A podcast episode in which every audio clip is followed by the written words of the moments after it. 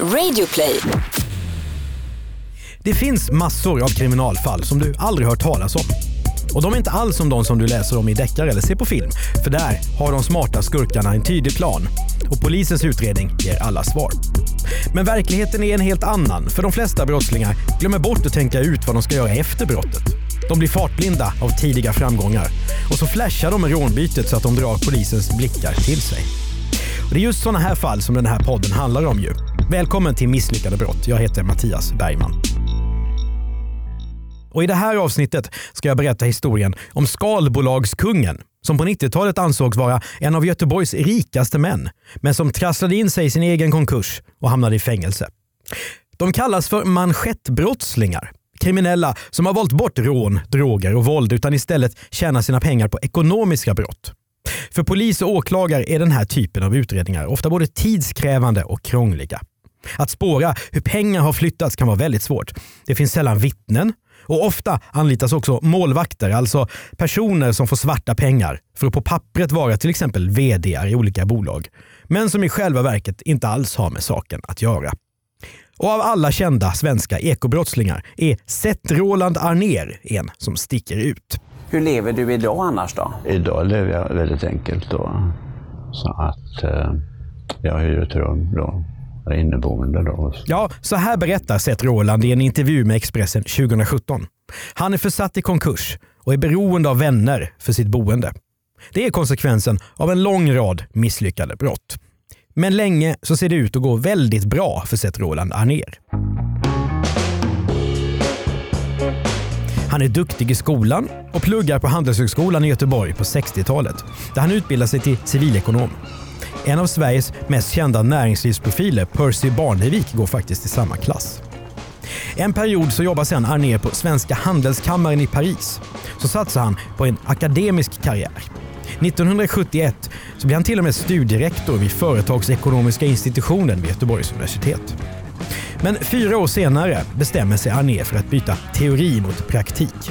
Han vill helt enkelt använda sina kunskaper för att själv tjäna pengar istället för att utbilda och hjälpa andra att tjäna pengar. Seth Roland Arner börjar steg för steg att bygga upp en imponerande koncern. Han har bland annat agenturer för utländska produkter som juvelfirman Cartier. Och Arner jobbar också med filmrättigheter. Men det är någonting helt annat som blir hans specialitet. För eftersom Seth Roland Arner kan det här med lagar och regler så vet han också hur man utnyttjar systemet. Han kan som ett finansiellt tryffelsvin nosa upp kryphålen och sätta in stöten där. I synnerhet när det gäller skattesystemet. Under 80-talet när ekonomin går som tåget i Sverige och vi till och med börjar köpa aktier så blir Seth Roland Arner expert på det som kallas för skalbolagsaffärer. För oss som älskar 80-talet så är skalbolagshärva ett lika vackert ord som bakmaskin och benvärmare. Och Det här är krångligt så att jag ringde Skatteverket för att kolla hur det här funkar. Så här. Du har ett företag, bolag A. Där har du gjort vinst på, säg, 10 miljoner kronor. Då ska du betala skatt på pengarna. Idag är det 30 procent, men på 80-talet var det högre. Men om du är en manschettskurk så gillar du inte skatt. Du vill inte bli av med 3 miljoner kronor som ska gå till skola, vård och polisväsendet. Utan du säljer ditt bolag A till ett annat företag som du också står bakom. Och det är där plundringen kommer in. För du säljer såklart ett lägre värde än de där 10 miljonerna, till exempel 9 miljoner. Sen tar du ut pengarna ur bolag A. Ditt första bolag har då blivit ett skalbolag. Och din målvakt som står på det andra bolaget, han gör ju en miljon. Och du själv sparar två miljoner som skulle ha gått till skatt.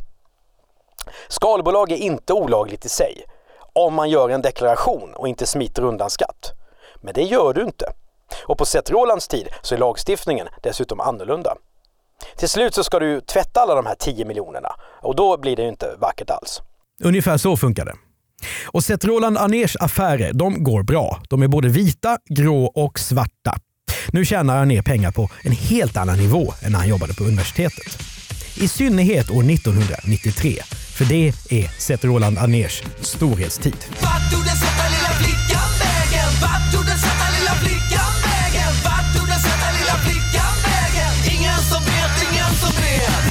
här året så leker svenskarna hellre med sina palmcorders, alltså videokameror som faktiskt inte är större än en vattenmelon. The choice is obvious. The Panasonic Palm Quarter. Its tapes will play in your VCR. Kollar på knäppa videor i det heta TV3-programmet Låt kameran gå. Nu simmar du bild. Du simmar ur bild, Kai. Detta är också Seth Roland Aners heydays. Han är en av Göteborgs rikaste män med en taxerad förmögenhet på 145 miljoner kronor.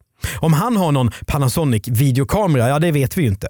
Men hans pengar de syns i garaget. För där står det lyxbilar från både Maserati och Ferrari. Men de, de brukar Arnér inte använda när han kör runt i arbetarstaden Göteborg. Då väljer han en liten sliten Ford istället. Det är lättare att parkera, hävdar han. Men 1995 så börjar allt vackla. För efter just en skalbolagsaffär så döms Arnér 97 till tre års fängelse för skattebedrägeri och bokföringsbrott. I samband med att domen överklagas så händer någonting som visar att även ekonomisk brottslighet är farlig. Ja, även om det som Seth Roland Arnér har hållit på med kallas för manschettbrott så är steget inte särskilt långt till kriminalitet där våld är vanligt. Och Seth Roland Arnér har tydligen lierat sig med kriminella som inte drar sig för hårda metoder.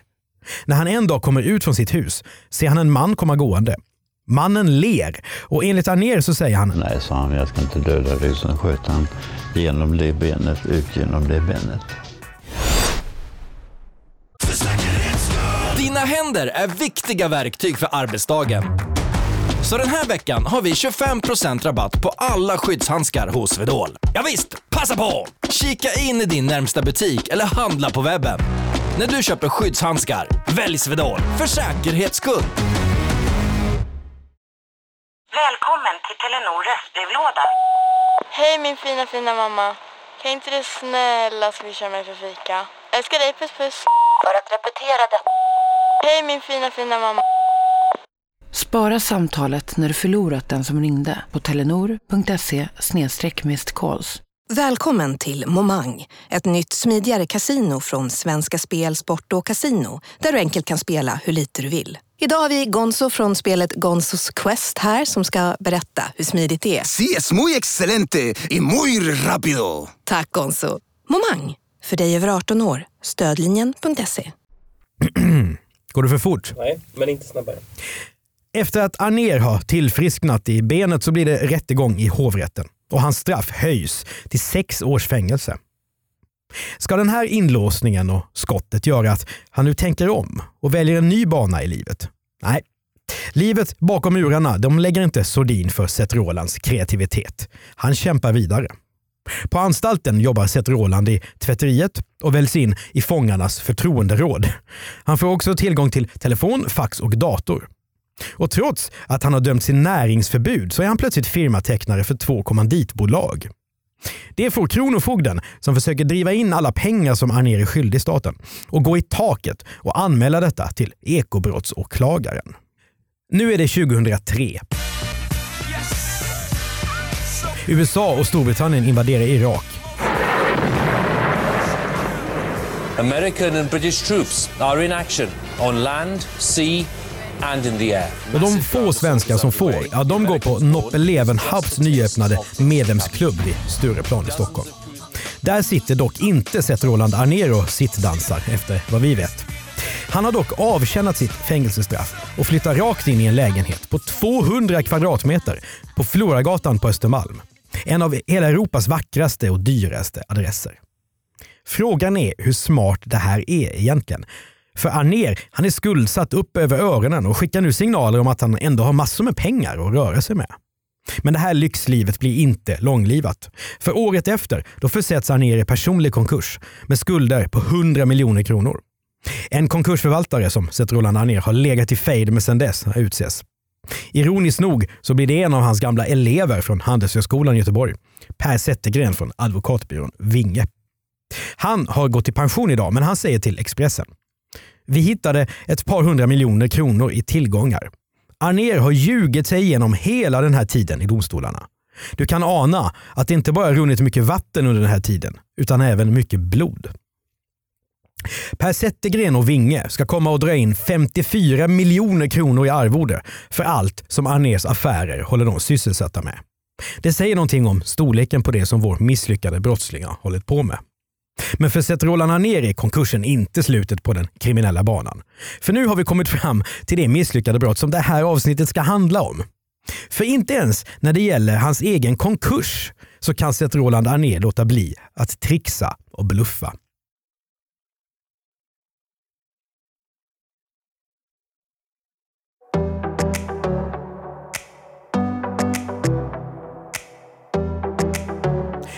Nu är det 2010 och det här är året då Spaker Cars köper den gamla bilklenoden Saab. Mängder av flyg ställs in på grund av askmoln från en isländsk vulkan som ingen vågar uttala. Nej. Och prinsessan Madeleine och Jonas Bergström meddelar att de har förlovat sig. Vi är otroligt lyckliga att stå här idag.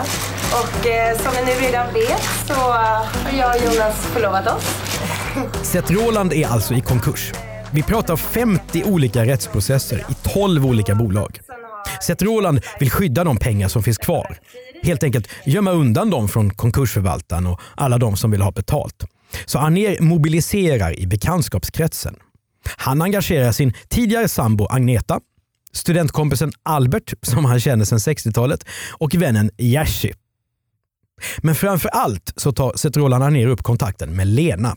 Det är en kvinna som han känner sedan det glada 90-talet. Hon kommer ofta och hälsar på honom i fängelset. Till vardags är hon fastighetsmäklare och hanterar bland annat kontorshotell. Upplägget är krångligt, som alltid när det gäller Seth Roland Anér. Men det är också klantigt. För det är ofta svårt att bevisa att någon har begått ett ekonomiskt brott. Tänk bara på Trustor-härvan där bolaget enligt åtalet plundrades på 600 miljoner kronor. Men allt slutade med fiasko för åklagaren i alla fall.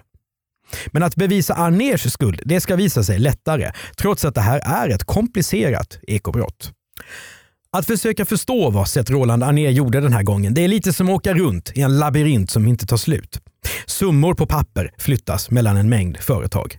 Men i grund och botten så handlar det om att gömma undan pengar från konkursförvaltaren och alla de som Arnér står i skuld till. Det är ett slags kurragömma-lek som en journalist senare ska beskriva det som. Upplägget innehåller bolag med namn som Ytterholmen Invest AB, DH Konstinvest och Necessären AB. Och här finns ingredienser som avräkningskonton, reverser och pantsättningar. Det är personer som inte minns eller förnekar vad de sagt i förhör. Det är handlingar som försvinner och sen hittas i original. Kort sagt, en enda röra. Precis det som har blivit Seth Roland Aners signum. Rättegången, ja den blir också någonting av en show. Även om Stockholms tingsrätt har väldigt svårt att känna sig underhållen. Aners tidigare sambo har redan dömts till fängelse i en separat rättegång och nu står han tillsammans med kompanjonen Lena och vännen Jerzy åtalade för att ha försökt gömma undan pengar från konkursförvaltaren. Lena och Seth Roland Arnér har helt olika approach under rättegången. Hon svarar mestadels enstavigt. Jag vet inte och jag minns inte. Det är återkommande fraser. I domen står det också rakt ut att hennes svar har låtit inlärda. Seth Roland Arnér väljer en helt annan linje. Det här är ju trots allt en person med en akademisk karriär bakom sig. Dessutom är han en estradör. Så nu blir det åka av. Domstolar kritiseras ibland för att de inte förstår målen som de ska döma i. Och kanske är det just det här faktumet som får Seth Roland Arnér att ta i från tårna. Lite sarkastiskt konstaterar tingsrätten nämligen att han under förhandlingen, nu citerar jag här, snarare har föreläst med eller utan blädderblock. Arnér har redogjort för teoretiska beräkningar om fordringar, skulder, aktier, pantbrev och annat. Han har också gått in och försökt berätta om avancerade kedjor av lån. Kom ihåg att Seth Roland faktiskt har varit universitetslärare och älskar att visa sina kunskaper för publik. Problemet är bara att han enligt tingsrätten utgår från antaganden som inte kan bevisas. Det här är med andra ord en mardröm för domstolen. I synnerhet för nämndemännen, juridiska lekmän som finns med för att representera vanligt folk. För i hela världen ska man kunna reda ut A. vad som är sant och B. om bevisen räcker för att fälla Arnér. Men Seth Rolands strategi är ändå uppenbar. Han försöker lägga en dimridå och göra saker och ting så komplicerade som möjligt. Kanske tänker han sig att den juridiska utgångspunkten att man är oskyldig till dess att motsatsen kan bevisas ska hjälpa honom ur knipan.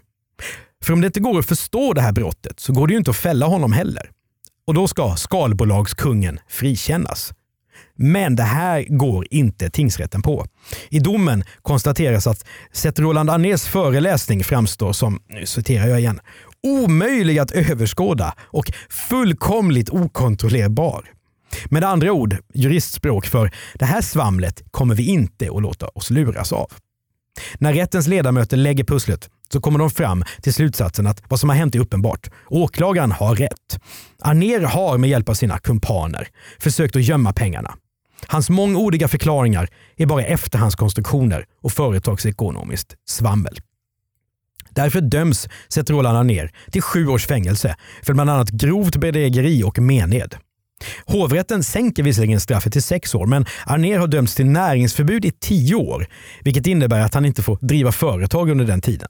Lena åker på fyra års fängelse medan Jerzy, kompisen som Arner har känt i 30 år, han frias. Idag har sett Roland Arner avtjänat sitt straff. I en intervju i Expressen hösten 2017 ger han sin syn på både det misslyckade brott som det här avsnittet handlar om och sitt liv. Men det är bilderna som är det som sticker ut mest i den här intervjun.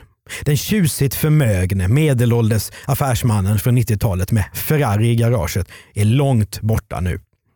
Han är 75 år gammal, klädd i röd pikétröja, smutsbleka jeans och rutig kavaj. Det tidigare mörka bakåtkammade håret är tunt och vildvuxet. Arner har magrat avsevärt. Anletsdragen är slitna, ansiktet askgrått. Det syns att det här är en person som har levt hårt. Seth Roland Arné berättar att han ångrar att han inte flyttade till Frankrike efter sin första affär. Men mest irriterad är skalbolagskungen över att just kallas för skalbolagskung. Det är orättvist. Jag har inte sysslat särskilt mycket med det och det har skymt allt annat. Ryktet kommer från mina fiender och konkursförvaltaren, säger han till Expressen. Idag då? Ja, Seth Roland Arner har inte gett upp. Han fortsätter att fightas eftersom han menar att hans konkurs inte har gått rätt till. Arner vill bland annat ha tillbaka kontanter, smycken, kostymer och inte minst sin säng. Idag hankar han sig fram på pension, men det finns också en annan inkomstkälla. Seth Roland Arner hjälper nämligen en del personer med vad han kallar för affärsrådgivning. Du har hört Misslyckade brott med mig, Mattias Bergman. Jag gör podden tillsammans med Andreas Utterström. Exekutiv producent är Jonas Lindskov. Prenumerera gärna på oss i iTunes och betygsätt oss.